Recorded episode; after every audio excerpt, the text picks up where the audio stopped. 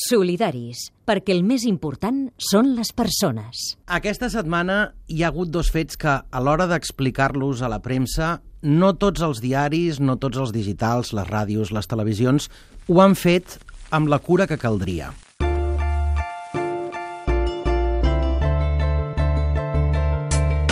No hay racismo, aquí no nos importa el color. No hay racismo, aquí nadie es superior. No hay racismo, no hay terrorismo y el terror. Juntemos las manos, luchemos por un mundo mejor. No L'un és l'accident de dos vaixells al port de Barcelona en el que un mercant rus, ja ho haureu vist, va abordar un vaixell de pesca en el que van morir dos dels tripulants. De seguida hi va haver mitjans que van destacar que les víctimes eren del Senegal i del Marroc i que els supervivents eren catalans. L'altre fet és l'atemptat de Londres, quan encara no se sabia si era un atemptat organitzat ni qui era l'autor, hi va haver molts mitjans que ja donaven per fet que era obra del jihadisme, i aquests dies posteriors, que es van sabent més dades de l'autor, llegim titulars com aquest de La Vanguardia d'ahir divendres. Terror a Westminster. Adrian Russell, l'autor de l'atemptat de Londres, era un convers a l'islam. Scotland Yard identifica a Khalid Massoud amb el nom que tenia abans de la conversió. Doncs va, que avui farem un exercici pràctic de periodisme de drets humans. Farem sinergies. El grup de periodistes Ramon Bernils, a través del Mediacat, ha posat en marxa l'Observatori de l'Odi als mitjans de comunicació. Com un ganivet que talla tot un dia enter en trossets, com si el temps es pogués dividir com si res. Com dir que el temps és un rellotge. Va ser Richard Kapuscinski que va escriure que les males persones no poden ser bons periodistes. I va dir també que el deure dels periodistes és informar per ajudar la humanitat i no pas fomentar l'odi ni l'arrogància. La notícia ha de servir perquè coneguem i respectem l'altre encara més i que les guerres sempre comencen molt abans que es dispari el primer fusell, que tot comença quan els mitjans de comunicació fan un canvi en el seu vocabulari. Marc Carrera, coordinadora de l'Observatori de l'Odi als mitjans. Bona tarda, com estàs? Molt bona tarda, Adrià. Kapuscinski era un home molt savi. Doncs sí, de fet, per això és un referent en totes les, en les facultats de periodisme. No? Mm, Sí, però hi deia coses que d'entrada haurien de ser molt lògiques.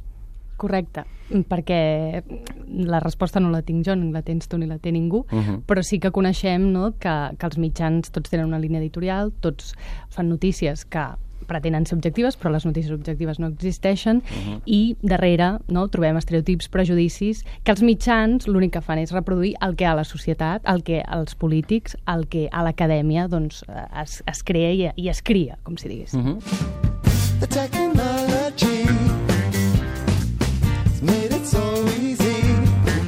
Analitzem les dues notícies de les que ara parlàvem fa un moment.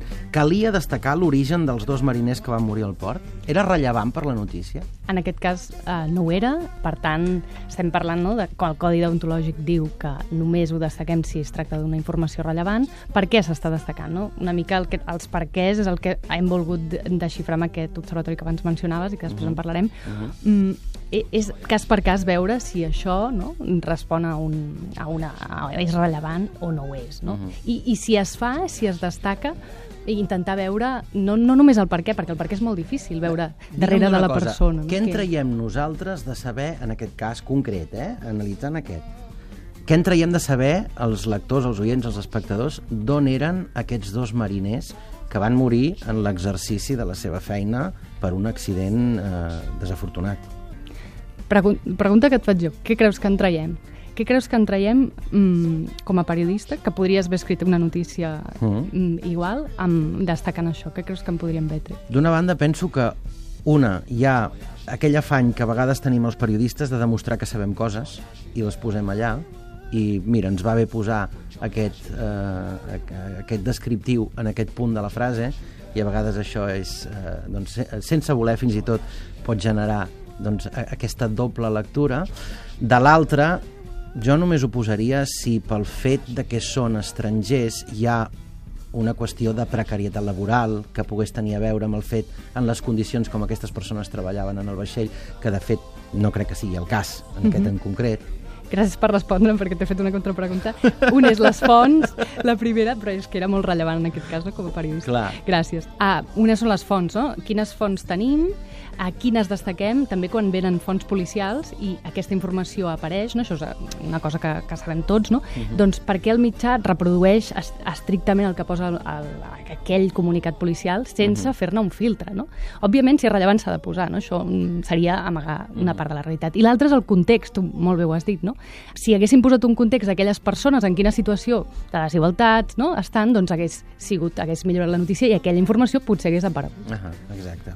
I en el cas del titular de La Vanguardia, on és la notícia referent a l'atemptat de Londres, en què un individu concret ha atemptat contra un grup de civils al Parlament britànic o que aquest individu s'havia convertit en una altra religió que és diferent de la que tenia d'origen? Perquè això genera un estigma cap a tot el conjunt de l'islam, cap a tots els musulmans. Correcte.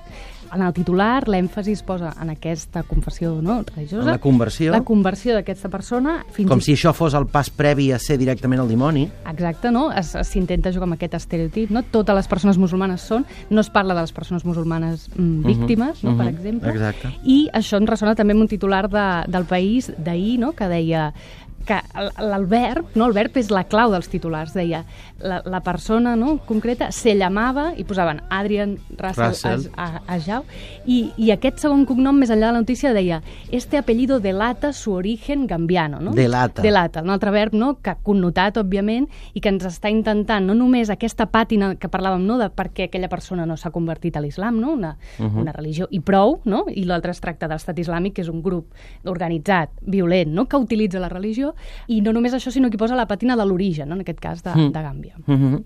Doncs perquè hi ha mitjans de comunicació que no contribueixen a la convivència, tot el contrari, i que es queden en el detall morbós, aquest observatori, per estudiar exactament el què. En concret, discurs d'odi. Discurs d'odi diferenciat de delictes d'odi. No? Els discursos d'odi, tots sabem que és un, és un terme que ara està molt de moda, que no sabem què vol dir encara, però sí que sabem que mm, molt sovint els discursos d'odi són l'avançala dels crims d'odi. No? Uh -huh. Aleshores, aquest observatori el que pretén és analitzar mitjans de comunicació, hem començat per uns quants, no? però seguirem amb d'altres, i el que pretén és veure quines estratègies utilitzen els mitjans, estratègies discursives, en aquest cas, per veure si fomenten o no aquest discurs d'odi. Mm. Quins són aquests mitjans objecte d'estudi? Hem començat amb 8 digitals, eh, en teníem més, els vam anar descartant, vam fer un clipping no, durant un mes que hem observat, del 9 de gener al 9 de, al 9 de febrer, i els mitjans digitals que hem observat després de fer la tria, i n'hi havia d'àmbit català també, eh, però uh Mhm. -huh. han caigut, hi havia Alerta Digital, hem observat, Baluarte Digital, Dolça Catalunya, La Gaceta, Libertad Digital, Mediterráneo Digital, OK Diario i Periodista Digital. Uh -huh. Vuit mitjans mm, d'abast estatal, la majoria. La majoria són webs, excepte dels Catalunya, que és un blog. Uh -huh. I tenen, mm, doncs, alguns s'autonomenen no? conservadors, d'altres tenen discursos que podríem dir pròxims a l'extrema dreta. Uh -huh. Per què aquests i no uns altres per començar? Doncs bé, hem començat per aquests, primer perquè ningú mai els observa, tenen un abast més petit, eh, fins i tot podríem dir a vegades marginal, però aquest marginal no s'observa. Per què no s'observa? No? Ens preguntàvem això i volíem començar per aquests, perquè també tenen una influència a les xarxes socials, no? que també hem analitzat una mica en l'estudi. No? Perquè Una- són petits d'estructura, però no d'abast. Internet els... els el, els, um, els catapulta, no? d'alguna manera, Gràcies. tot i que no, no tots, eh?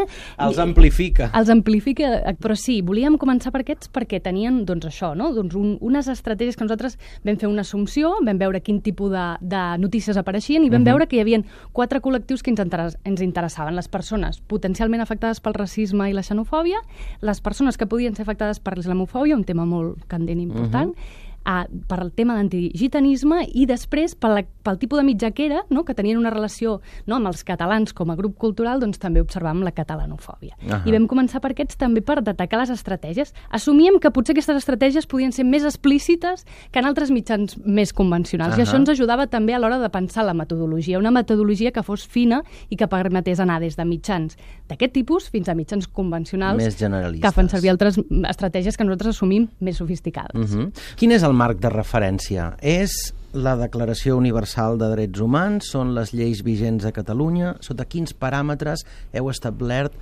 què és el que es pot dir, què és el que no es pot dir, de quina manera, què és el que atempta més o què és el que és més neutre? Correcte. M'agrada molt que em faci aquesta pregunta perquè òbviament, el discurs d'odi, com abans deia, és una, és un, és una, una expressió que deia no, molt, molt popular últimament, uh -huh. que té, uh, no hi ha consens, sí que la normativa internacional diu que és totes les expressions que fomenten, justifiquen, difonen i inciten, el- bueno, en aquest cas, l'odi, no? el discurs d'odi, i mm, cap a col·lectius de, de molts tipus, abans en mencionàvem quatre, i, i aleshores nosaltres hem agafat tant la normativa, uh -huh. però l'hem fusionat també amb tot el que estan treballant les organitzacions com Sor Racisme Catalunya, Movimiento contra la Into- Intolerància.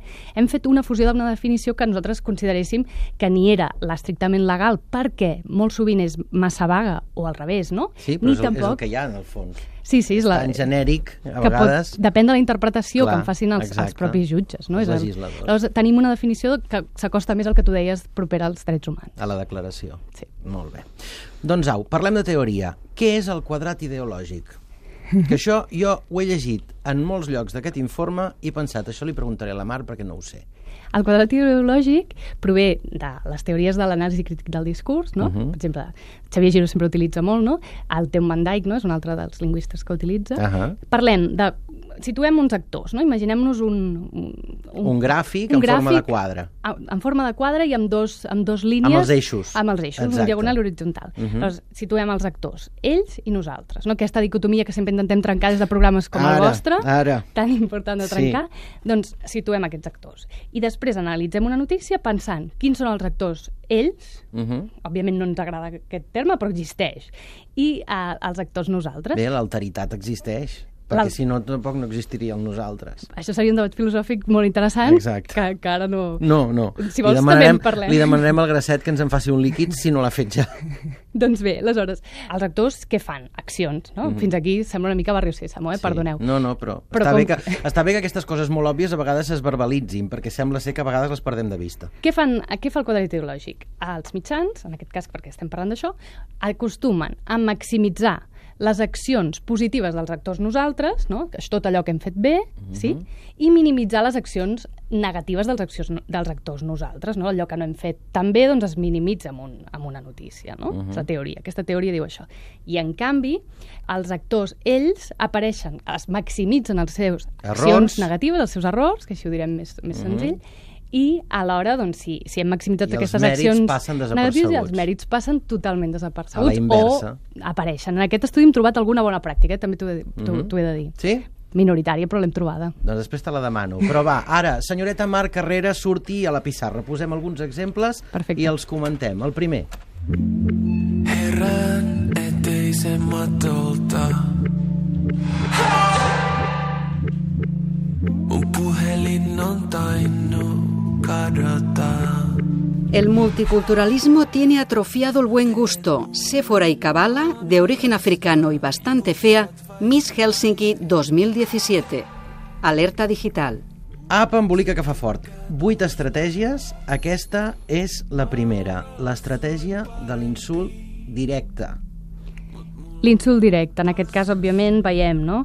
El multiculturalismo, eh, tenim aquí el subjecte, no? Que és Mhm. un, un ens ampli, no? Que no, no estem assenyalant a ningú, sinó amb molta gent alhora, Mhm. però el que ens interessa en aquest titular és, el- òbviament, el bastante fea, no? Mhm. I, I l'èmfasi en l'origen africà. Aquest titular ho té tot, una mica. Té, té un verb que és atrofiar, que és un verb ja que té una connotació Correcte. molt negativa. Uh, parla del bon gust, que cadascú creiem que el nostre propi uh, és fantàstic i magnífic, i per tant vol dir que uh, alguna cosa ens està atacant.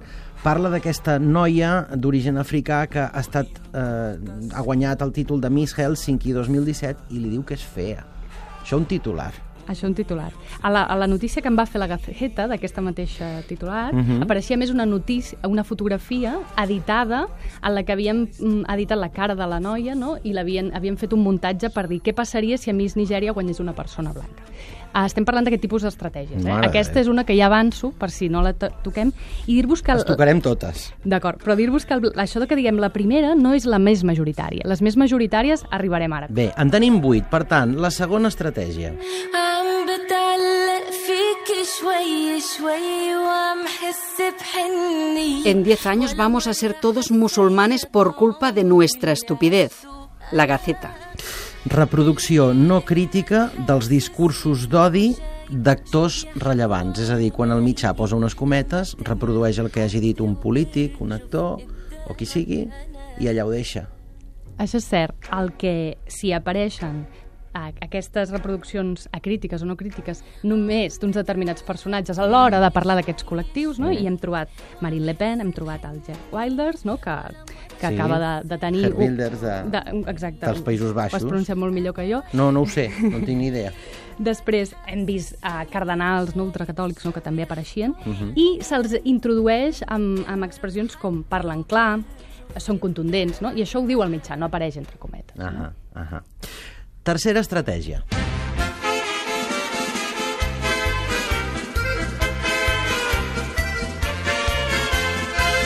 Angela Merkel, la fulana cebosa de Soros, critica el veto de Donald Trump a la entrada de musulmanes en Estados Unidos. Alerta digital. Sí, sí, alerta. Mare de Déu, senyor. Aquí hi ha, d'entrada, una, un menys preu pel fet de ser dona i de l'altra banda perquè ideològicament no coincideix doncs, amb aquests senyors d'alerta digital. I m'agrada que diguis això del, del tema de la fulana, no? perquè mm. hem, hem detectat que hi ha molta misogínia en moltes notícies. No era l'objecte d'estudi, per tant, això és un comentari que fem, però que el volem fer, no? i Mhm. aquí també, perquè creiem que és molt important. I el purple washing, no? que és aquest fenomen pel qual ens en recordem dels drets de les dones quan volem defensar discursos racistes, xenòfobs i islamòfobs. No? Ahà. De sobte volem defensar totes les dones musulmanes. No? Això Mhm. ho hem vist també en l'estudi. Però en aquest cas, eh, aquesta deslegitimació d'actors que a parer del mitjà estan defensant la no discriminació o, o combaten el discurs d'odi. Mm. A, a mi no m'ha sobtat el fet aquest que apareixi l'Àngela Merkel molt sovint, no? perquè sovint no acaba de ser doncs, l'actor que considerem doncs, la persona més progressista del món. No, No, en aquest sentit. exacte. Però sí que apareix tant ella, Podemos, eh, apareixen eh, activistes no? que, que també surten en context, un, una parella... Bé, aquí llepa el senyor George Soros, sense venir a cuento, diguem-ne. Sí, sí, es, es, lliga, es, es lliguen moltes idees. Realment els titulars tenen molta, molta teca. Quarta estratègia.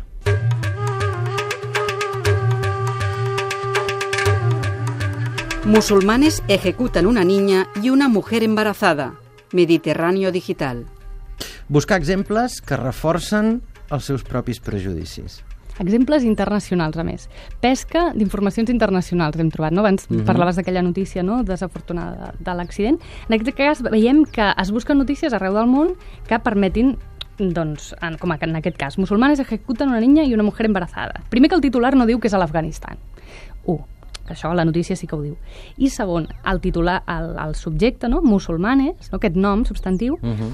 És, com deies tu abans, generalitzador totalment. Després, Exacte. a dintre, veiem que es tracta d'un grup talibà d'una regió concreta, no? Mhm. Però a, a, es tendeix a fer això, no? D'agafar notícies internacionals que, d'alguna manera, doncs, estiguin dient... Ep, a, també hi ha el, el clàssic de um, les persones d'origen estranger es, es queden tots els ajuts, no? Això també apareix en altres titulars en els que Mhm. veiem que, que ens, in- no, no, no ens interessa a nivell estatal, sinó que agafen una notícia, per exemple, de la República Txeca, no? on Mhm. això passi. No? Aleshores, Mhm. són com aquesta pesca l'hem comprovat i, de fet, aquesta és una de les majoritàries, juntament amb la que veurem ara. I això em fa pensar en una cosa que tu deies ara fa un moment. El titular no ho diu, després la notícia sí que ho diu. Quantes vegades, veient aquests digitals per internet, com que tots anem amb presses, ens quedem amb els titulars i no cliquem i llegim la resta del cos. I, per tant, el titular és el que et queda al cervell. Titular, fotografia, tu has Exacte, dit. Titular, exacte, fotografia exacte. i vídeo. Com... Quan hi ha vídeo, exacte. Quan hi ha vídeo. Sí, més el vídeo que l'àudio.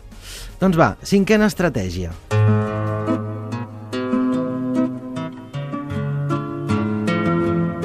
Una Miss italiana es rociada con ácido por su exnovio de Cabo Verde. Baluarte digital. I ara digues tu què aplica aquí si el senyor era de Cabo Verde o era de Manresa. Doncs aplica el que dèiem, no? aquesta èmfasi que parlàvem al principi uh Mhm. -huh. en, en revelar la identitat d'aquella persona, en concret del seu origen, color de pell, religió, uh Mhm. -huh. quan no és rellevant. Aquesta persona més, el, el, el noi, uh, l'exnovi, no? l'exparella, no? que també és una altra dada que es posa i que podríem analitzar en, en qualitat de gènere, eh? uh Mhm. -huh. també. Mm, aquesta persona portava molt de temps vivint a Itàlia, que és on va passar, no? però Exacte. aquí uh, apareix la paraula Cabo Verde i actua automàticament no? en la ment de la En potencial lector, l'imaginari, doncs ens, ens ressonen doncs, estereotips, prejudicis no? que, que, poden, que poden sortir. Mm -hmm. Aquí és on també veuríem relació amb la notícia que parlàvem abans dels mariners que van morir aquesta setmana al port de Barcelona. Correcte. El fet de donar o no l'origen, sí, aquí, pel fet en si, no, no, No no, importa, no era rellevant, exacte. Eh, és curiós que és interessant que diguis això. Alerta Digital concretament Mm. fa s'autolloa, no sé com, segur que em pots trobar Sí. sí. Albert, però intenten dir que ells són els mitjans que informen, clar. Mm, no? es, ve, es venten d'això.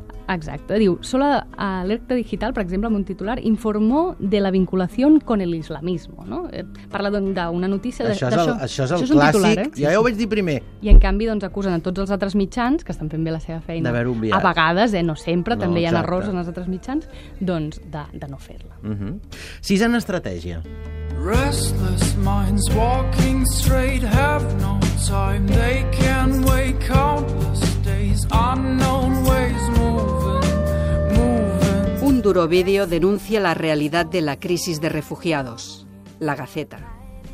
Aquí s'ha de dir que, evidentment, locutant-ho és difícil de fer, i aquest titular té ironia, perquè, a més a més, quan diu un duro vídeo denuncia la realitat, aquesta realitat va entre cometes, de la crisi dels refugiats. Què mostra aquest vídeo? Perquè, clar, nosaltres ara no us ho hem pogut reproduir, però vosaltres el deveu haver analitzat. Sí, tot i que aquest, sincerament, ara mateix no me'n recordo. Adiós.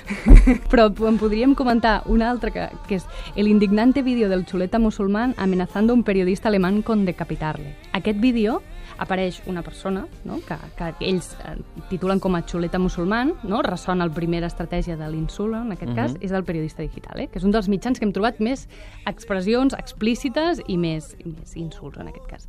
I és un vídeo que apareix un periodista alemany que està fent-li preguntes amb un to força doncs, eh, intens a la Mhm. persona musulmana. Aleshores, el, com veieu al titular, no, no només té aquest adjectiu de el indignante vídeo, una cosa molt típica dels mitjans um, digitals, no? De, Adjectivar. adjectivar Per cridar l'atenció, que vagis a fer clic. el alarmante no sé què. No? Sigueu molt conscients d'això, mm, fins i tot amb aquells mitjans amb els que us sentiu més, eh, més eh, reflectits, quan hi ha aquests titulars molt morbosos que estan fets expressament perquè tu no puguis evitar, va, total, són 30 segons, clico a veure què hi ha aquí dins. Doncs aquest, aquest vídeo el que està fent és posar un èmfasi en, en l'actitud d'aquesta persona, però no es parla de l'actitud del periodista, que en tota, tota la conversa està tenint també doncs, un, doncs, una actitud doncs, pujada de to, no? però això no es Increpant. destaca, increpant. increpant, increpant. Setena estratègia. On sou tots aquells que em fèieu somiar?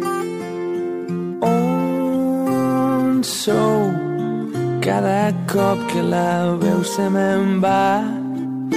Cuatro años por lo de Blanquerna y por la salvajada a las chicas de la selección. Dolça Catalunya.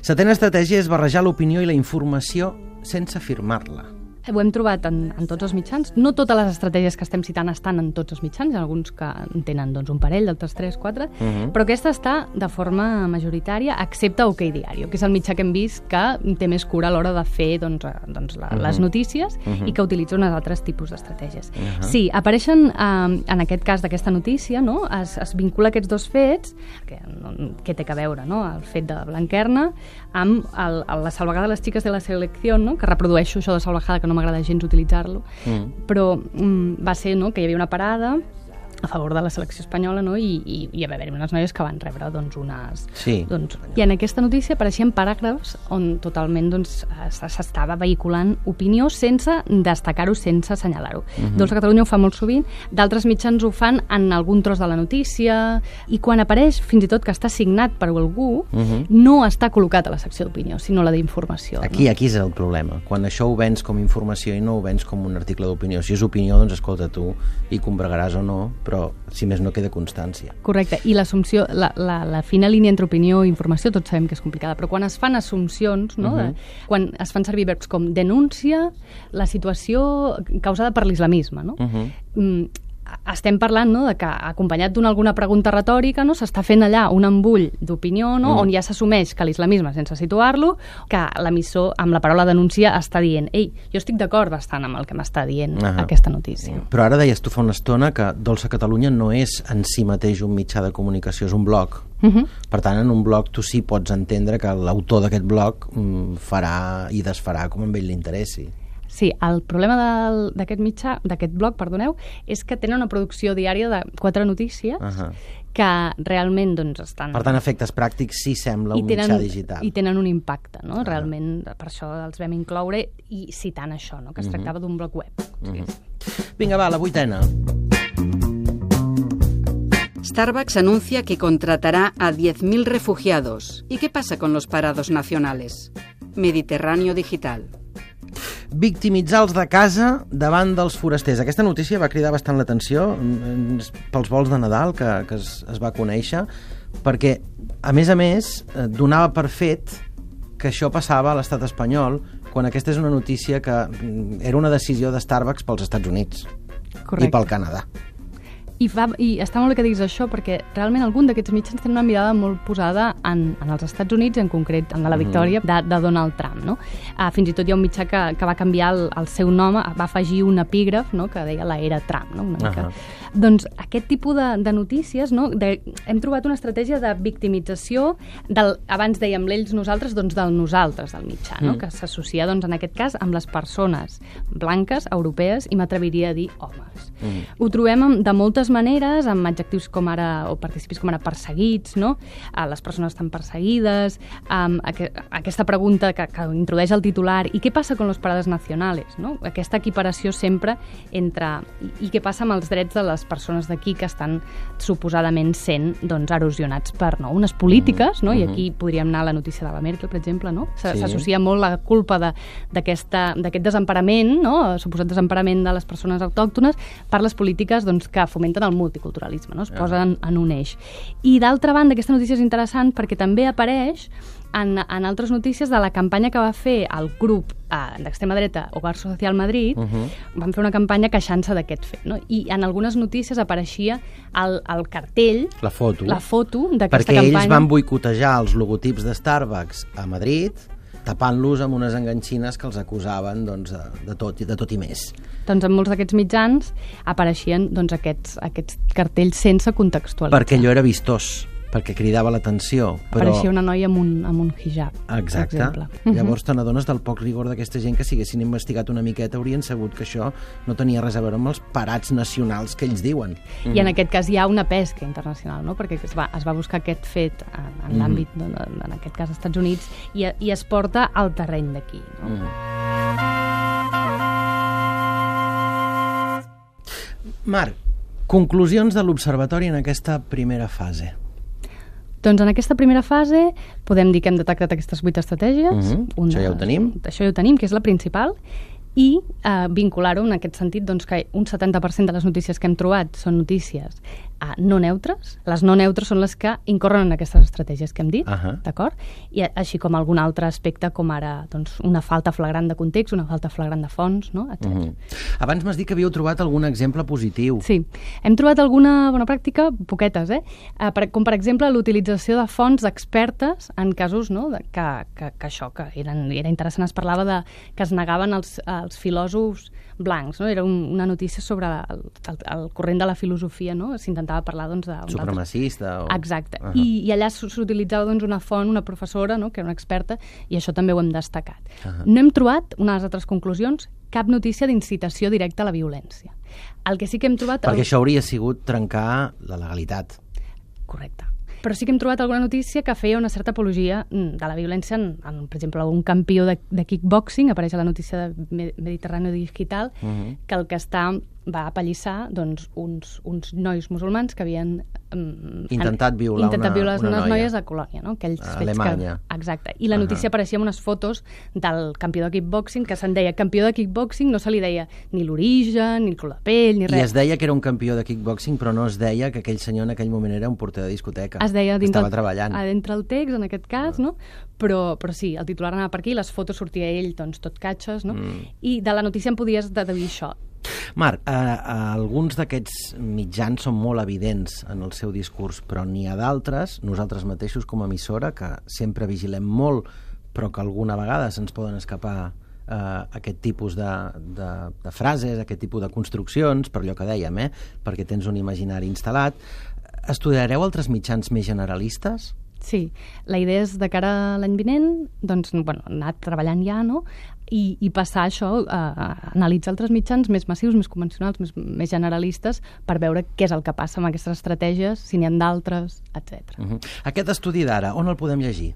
Podem llegir-lo a discursodimitjans.cat, discursodimitjans.cat a la web de Mediacat també, uh -huh. i descarregar l'informe complet per veure'n tots els exemples i sobretot doncs, també doncs, entrar en discussió. No? La idea és que això circuli i que, que se'n pugui fer doncs, ressò. Uh -huh. Marc Carrera, coordinadora de l'Observatori de l'Odi als mitjans de comunicació de Mediacat i el grup de periodistes Ramon Bernils. Moltes gràcies. Moltes gràcies a vosaltres. Tornaràs per fer-nos allò, passar-nos la minuta del que hem fet? I tant, amb una pissarra i també em baixaré i em pujaré com avui. Gràcies, Marc, que vagi bé. Gràcies a tu. Una nit de lluna plena Tramuntana